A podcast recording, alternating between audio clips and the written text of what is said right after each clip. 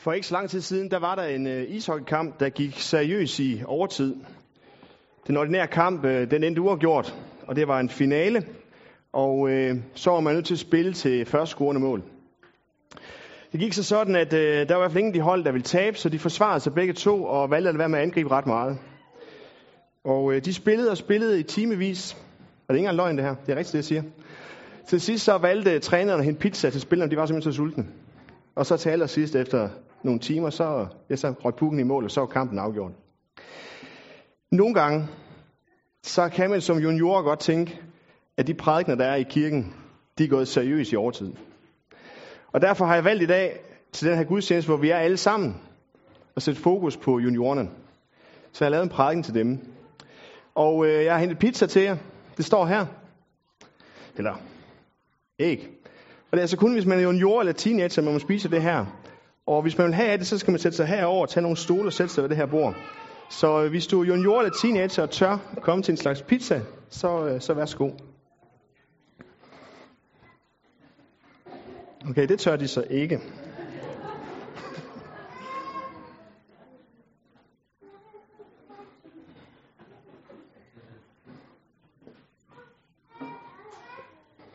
Ja, det er fedt.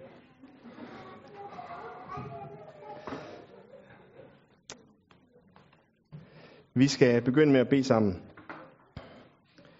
Herre Jesus, nu beder vi dig om, at vi i den her påske igen må få lov til at lytte til budskabet om dig. I dag, hvor du rider ind i Jerusalem og profeterer, og de efterfølgende dage, hvor du lider, dør og opstår. Vi beder dig om, at du vil tage bolig i vores hjerter, så dit budskab må leve stærkt i vores liv, uanset hvilken alder vi har. Amen. Se, øh, det her med fremtiden, det kunne være ret fedt, hvis man nu vidste, hvad der skete i fremtiden. Hvis jeg vidste og kendte fremtiden, så ville jeg begynde at odds rigtig meget endda. Jeg ville starte med 20 kroner, og så fandt jeg faktisk en kamp i går i Tjekkiet, der gav odds 37. Og hvis nu jeg vidste, at dem der, det der taberhold til odds 37, de ville vinde, så ville jeg spille 20 kroner på den. Og så ville jeg vinde 740 kroner. Så vil jeg gå videre til den næste kamp. Der var ikke så god odds, men der var trods alt odds 18. Og så vil jeg tage 740 gange 18. Og så i løbet af to spil, så vil jeg have 13.320 kroner. Og ved du hvad? Hvis jeg kendte fremtiden, så vil jeg bare gå helt amok med det her odds. Så vil jeg blive verdens rigeste mand. Og jeg vil købe mig den fedeste hus nede i Thailand, lige ud til havet. Og jeg vil købe sådan en bil, som ham her Logan, han kører rundt i for X-mand. Og jeg vil, ikke, jeg vil ikke stoppe der, jeg vil bare fortsætte. Nu er det bare sådan, at øh, jeg er ikke så god til det der med odds, fordi jeg kender ikke kampene. Men hvis nu, altså hvis nu jeg kendte fremtiden, så vil jeg jo vide, hvad for nogle medicamenter, hvad for nogle piller, der vil blive de bedste til at helbrede mennesker. Og så vil jeg jo sørge for, at der var dem til alle mennesker. Og ved du hvad jeg også ville, hvis jeg kendte fremtiden? Så vil jeg tage ud i trafikken, og når der var en motorcykel, der var ved at køre galt, så vil jeg prøve at afvære uheldet. Og så tror jeg faktisk, at rigtig mange mennesker vil kunne lide mig. Problemet er bare, at jeg sidder lidt i en sofa midt ude i havet og kender ikke fremtiden. Rigtig tit, så, øh, så må jeg bare sige, at øh, mit liv ikke er sådan helt vildt godt. Jeg synes tit, det mislykkes, og jeg er ikke, ja, det går ikke så godt. Så kan jeg prøve at lægge noget op på Facebook og se, om nogen gider at like mig, men der er ikke nogen, der gider at like en gammel mand som mig. Så et eller andet sted, det her med fremtiden, det er ikke så nemt. Men nu skal vi læse en tekst om en mand, som faktisk kunne se ind i fremtiden. Og det er dagens tekst fra Matthæus 21, 1-9.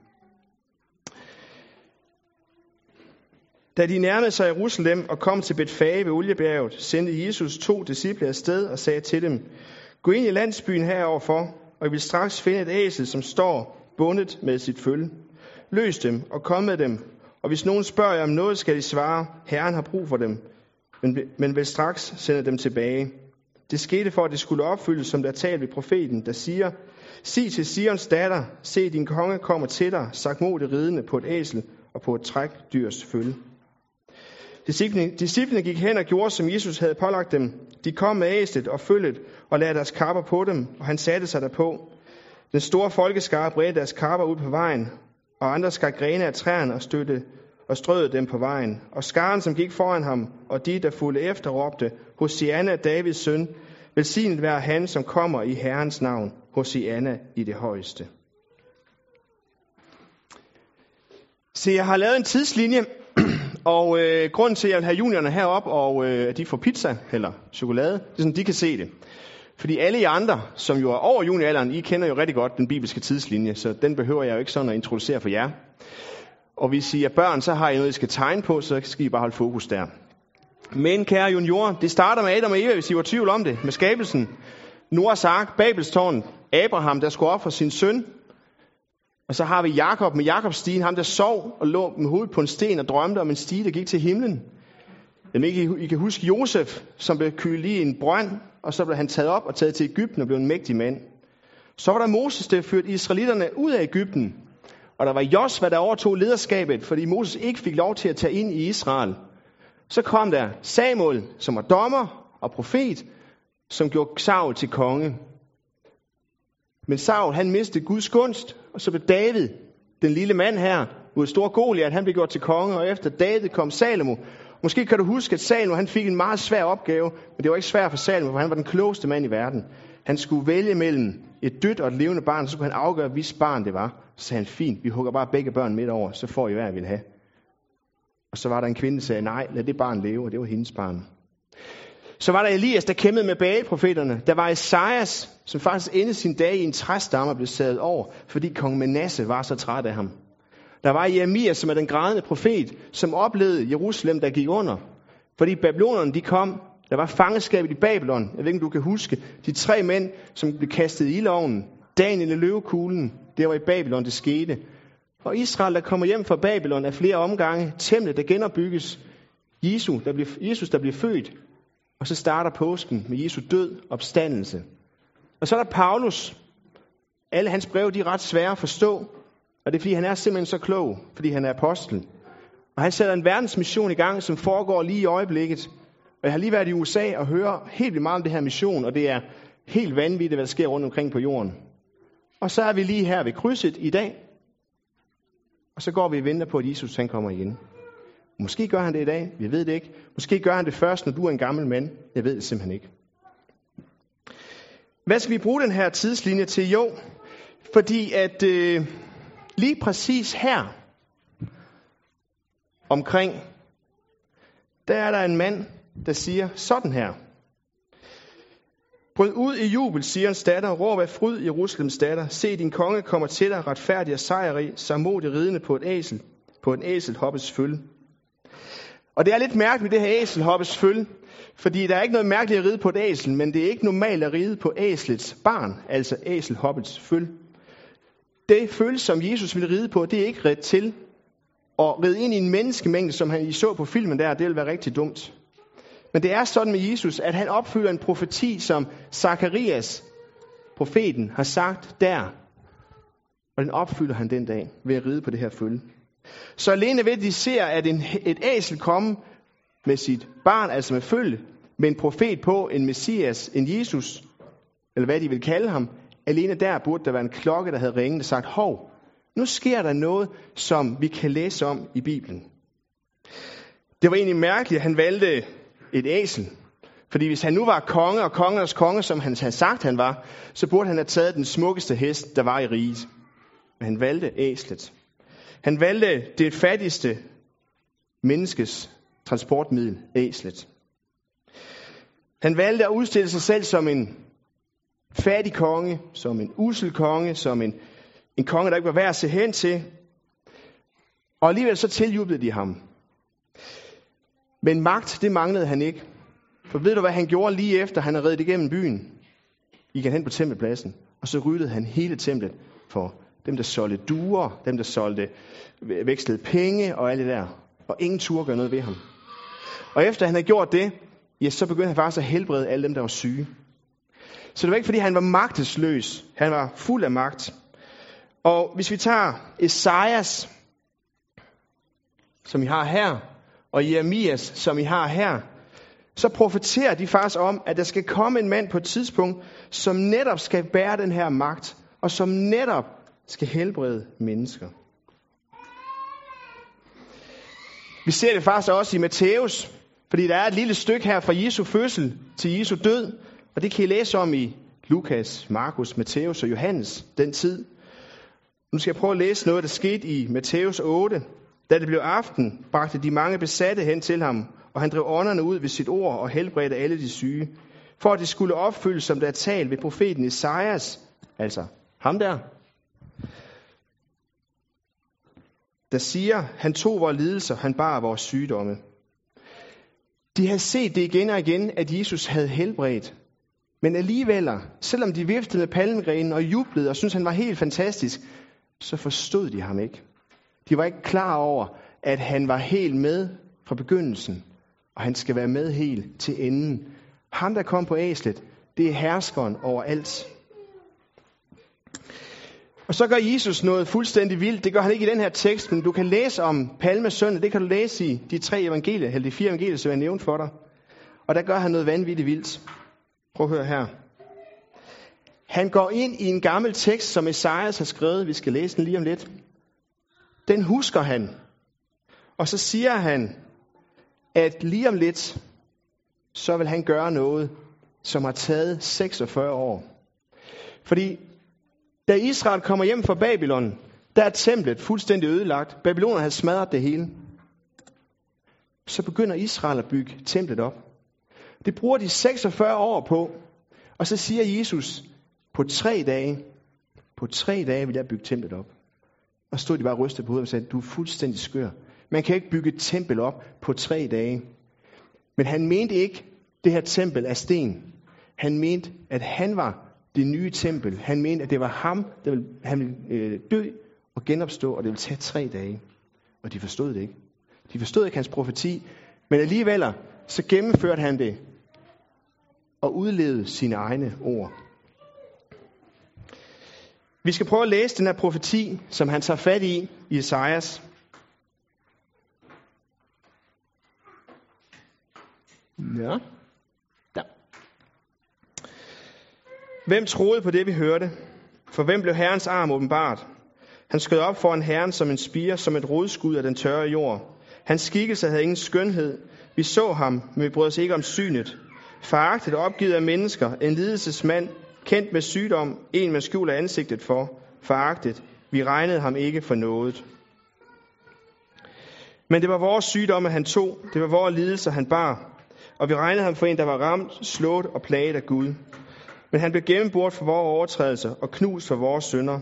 Han blev straffet for, at vi kunne få fred. Ved hans sår blev vi helbredt. Flakket alle om som får. Vi vendte os hver sin vej. Men Herren lod al vores skyld ramme ham. Han blev plaget og mishandlet, men han åbnede ikke sin mund. Som et lam, der føres til slagtning, som et får, der er stum, mens det klippes, åbnede han ikke sin mund. Fra fængsel og dom blev han taget bort. Hvem tænkte på hans slægt, da han blev revet bort fra de levendes land? For mit folks synd blev han ramt. Man gav ham grav blandt forbrydere, og gravplads blandt de rige, skønt han ikke havde øvet uret, der fandtes ikke svig i hans mund. Det var Herrens vilje at knuse ham med sygdom, når hans liv er bragt som skyldoffer, ser han afkom og får et langt liv, og Herrens vilje lykkes ved ham. Efter sin lidelse ser han lys, han mættes ved sin indsigt. Min tjener bringer retfærdighed til de mange, og han bærer på deres sønder. Derfor giver jeg ham del med de store, og med de mægtige deler han bytte, fordi han hengav sit liv til døden og blev regnet blandt lovbyder. Men han bar de mange synd og trådte i stedet for syndere. Og så lige spørgsmålet, juniorer. Hvordan kan man kende forskel på en falsk profet og på en sand profet? Altså, hvordan kender man forskel på en falsk profet og en sand profet? Har I nogen idéer? Det gør man simpelthen ved, at det, som den sande profet siger, det går i opfyldelse på et eller andet tidspunkt. Den falske profet, det han siger, det kommer ikke til at gå i opfyldelse. Esajas han siger, at der vil komme en tid, der vil komme et tidspunkt i historien, og der vil komme et menneske fra Gud. Og det menneske vil bygge en bro mellem menneskeheden og det enkelte menneske og Gud. Broen er gået i stykker på grund af syndefaldet, som skete her. Og hele vejen igennem her hører du en lidelseshistorie for mennesket om, hvordan det hele tiden lider, fordi det har synd i sit liv. Men Esajas han siger, der kommer en dag, hvor den bro skal etableres igen. Og Jesus, det er ham, der opfylder profetien. Så lidt om et ord, Hosianna. Det siger de hele tiden.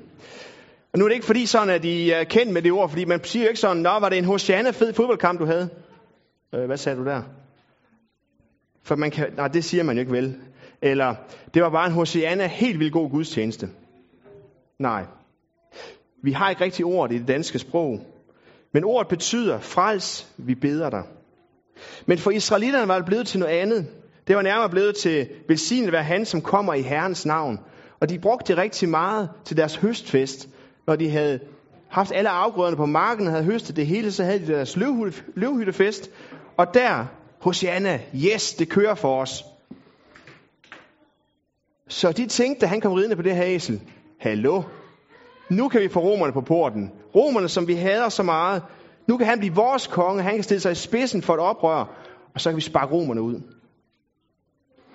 Måske var der en, der hed Saul i den her mængde, der stod og viftede med en palmegren. Jeg ved det ikke. Men det kunne der jo godt have været, fordi vi har jo faktisk en konge, der hedder Saul. Det er ham der. Og Saul, han gjorde det egentlig meget godt i starten, men øh, så gik det ikke så godt til sidst.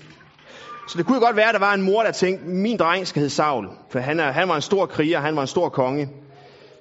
At han så lige øh, havde lidt problemer med det her med Gud, det, det var ikke så godt. Måske så øh, var Saul blevet god til at lyve, da han var øh, ung eller dreng. Måske han fundet, det var faktisk for smart at lyve. Man kunne faktisk have fået fordele ved at lyve. Og det kan også være, at moren tænkte, at det skal jeg jo selvfølgelig lære Saul, han ikke skal. Men da moren også selv løg, der tænkte hun, ja ja, en lille løgn fra eller til, hvad gør det? Så Saul og hans mor, de har lært at lyve. Og hvis jeg så giver dig et billede på det her med løgn, hvordan det fungerer, så er det lidt som, hvis du kommer cyklende hen ad vejen. Og så ser du godt, der er rødt, og så tænker du, jamen jeg har jo lært, at, øh, at jeg skal holde for rødt. Men da det er klokken to om natten, og der er ingen, der ser det, så cykler jeg bare lige over. Nu var der så lige det, at øh, politiet lige præcis klokken to om natten var ude og køre der, så de så det. Og så så du også, at de så det, og tænkte, hov, nu bliver det grønt hen ved næste lyskryds, så stopper jeg der. Så venter jeg lige lidt, og så, så, ligesom, så er jeg betalt for det der røde, som jeg kørte over. Men ved du, hvad politiet de gør? De giver dig to bøder. Et, fordi du ikke kan finde ud af at stoppe med rødt. To, fordi du ikke kan finde ud af at køre over for grønt. Det er sådan i Bibelen, at den snakker om noget, der hedder lov og evangelium, og det er sådan noget svært noget at forklare. Men måske er det forklaret lidt med det her med, at vi nogle gange laver vores egne små regler for, hvordan vi skal leve vores liv.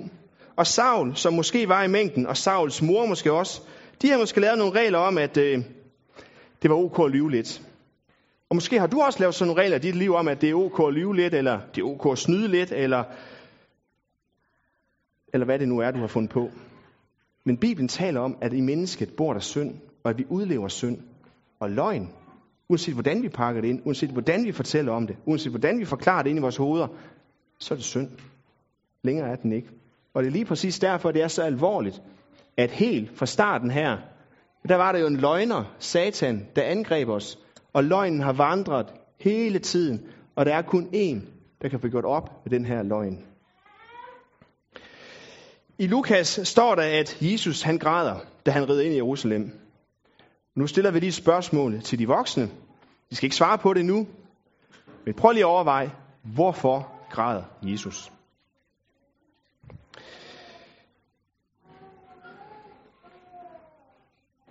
Hvorfor tror I, at han græder, junior? Ja, det var da godt, fordi han skal dø. Når han nu kan huske det her fra øh, Esajas, prøv så lige at høre her. Men han, men han blev gennembort for vores overtrædelser og knust for vores synder. Han blev straffet for, at vi kunne få fred. Ved hans sår blev vi helbredt. Måske tænker Jesus på, det her, det er jo vejen ind til det endelige, hvor jeg skal dø. Hvor jeg skal hænge på et kors. Hvor jeg skal lide voldsomt, smerteligt. Måske græder han også, fordi at han ved, Saul er i mængden. Han ved, Sauls mor er der. Han kender Sauls måde at håndtere løgnen på. Han tænker bare, Saul, hvis ikke du bliver befriet for det her, så ender du i fortabelse. Han græder måske også, fordi at han ved, at om 40 år efter hans opstandelse, der skal romerne smadre Jerusalem igen. Fuldstændig jævne det hele med jorden. Og et utal af mennesker skal dø. Og Israel som nation skal ophøre med at eksistere. Måske det er det, han tænker på. Vi ved det ikke. Der er så mange refleksioner, man kan lave på det her, men han græder, fordi han rider ind i en by i en syndig verden. Så det sidste ord. Det er jo sjovt nok ikke med i teksten, og det er ikke sådan, men jeg tænkte, vi er nødt til at tage fat på det, og det er ordet shalom. Hvis I vælger, når I bliver lidt større at rejse til Israel, så, øh, så vil I finde det ord rigtig mange steder. Og det er fordi israelerne, de bruger det faktisk til at sige, godt gået, eller godt for dig, eller dejligt, du har et godt helbred, eller fedt, vi har sikkerhed, eller så dejligt at se, at du har velstand, og du lykkes med at få dig en, en Logan-bil. Yes, godt gået. Men shalom i Bibelen, det betyder langt mere end det. Jeg vil slutte med at fortælle jer en lille historie. Der var en kvinde, som øh, blev taget til fange, fordi hun havde løjet. Hun havde købt narkotika. Ved I, hvad narkotika er? Sådan nogle stoffer, man kan tage, så du begynder at snore helt skør ind i hovedet, og man gør vanvittige ting. Og der skal ikke ret meget til, så bliver man afhængig af det. Det kunne fx være has. Det vil I møde om ikke så mange år i jeres liv. Øh, det havde hun gjort. Hun havde købt noget, hun havde solgt noget, hun havde taget noget, og nu er hun blevet taget af politiet. Måske har hun prøvet at forklare politiet, at øh, det gør ikke så meget det her, fordi det gør vi alle sammen også unge. Det, det er helt normalt. Det er der nogen unge, der siger. Jeg møder dem indimellem. Men hvorom alt var, så havde politiet taget hende hen til en dommer, og de havde ført en sag imod hende. Og øh, nu skulle dommeren faktisk øh, dømme i den her sag. Og dommeren, han idømmer hende straffen. Hun skal i fængsel, og hun skal have en bøde. Og så spørger hende, om, øh, han spørger hende, om hun er enig i det her, om hun anerkender, hun har gjort det, om det er rigtigt. Og siger hun, ja, det er rigtigt, jeg er skyldig. Og så får hun den her dom med 100 dollars, skal hun betale, og hun skal 10 dage i fængsel. Men så sker der noget mærkeligt i den her retssal. For øh, så tager dommeren hans kappe af. Vi godt dommer, de har sådan nogle kappe på. Og nogle steder er de også noget mærkeligt hår på, faktisk. Øh, over i England tror jeg nok, de har det endnu. Øh, og så tager han det her af, og så går han ned til pigen. Så tager han sin tegnebog op, og så betaler han 100 dollars. Og så spørger han, hvilken kaution der skal til, for hun undgår at komme i fængsel. Ved I, hvad kaution er? Der bliver nikket, så det ved vi, yes. Det betaler han også. Så han kører den her kvinde fri. Hvorfor gør han det? Fordi det er hans datter. Hvis man stiller spørgsmålet, hvorfor gør Jesus det her? Så gør han det, fordi du er hans barn. Og så kunne jeg ikke dybe mig. Altså, Jesus bliver altså ikke ved med at ride på æsler. Jeg vil bare lige sige det til jer. Der kommer en dag, så tager han den helt store hængst frem. Den hvide. Fuld gat op. Og det er den dag, han kommer igen. Så kommer han ridende igennem skyerne ned til os for at hente os. Også for at dømme verden. Vi skal bede sammen.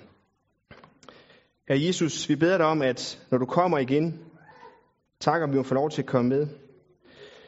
Tak om vi får lov til at have gjort vores synd op, så at den ikke står mellem dig og os. Og tak om vi måtte leve et liv, hvor vi tror på dig og lever med dig. Amen. Se, jorden, nu er der åben mikrofon, og jeg skal give et hint til de her ørken lange gudstjenester, vi nogle gange har, eller som I synes, vi har. Det er nogle gange i åben mikrofon, det bedst bliver sagt. Så hvis I sådan tænker, åh, jeg kan ikke den her prædiken, puha, og I giver op undervejs, så giv op. Men prøv at lytte under åben mikrofon. For det er rigtig tit, der bliver sagt noget om det liv, der bliver levet sammen med Jesus. Så jeg håber nu, vi får lov til at høre noget fra de voksne om, hvordan de har levet med Jesus.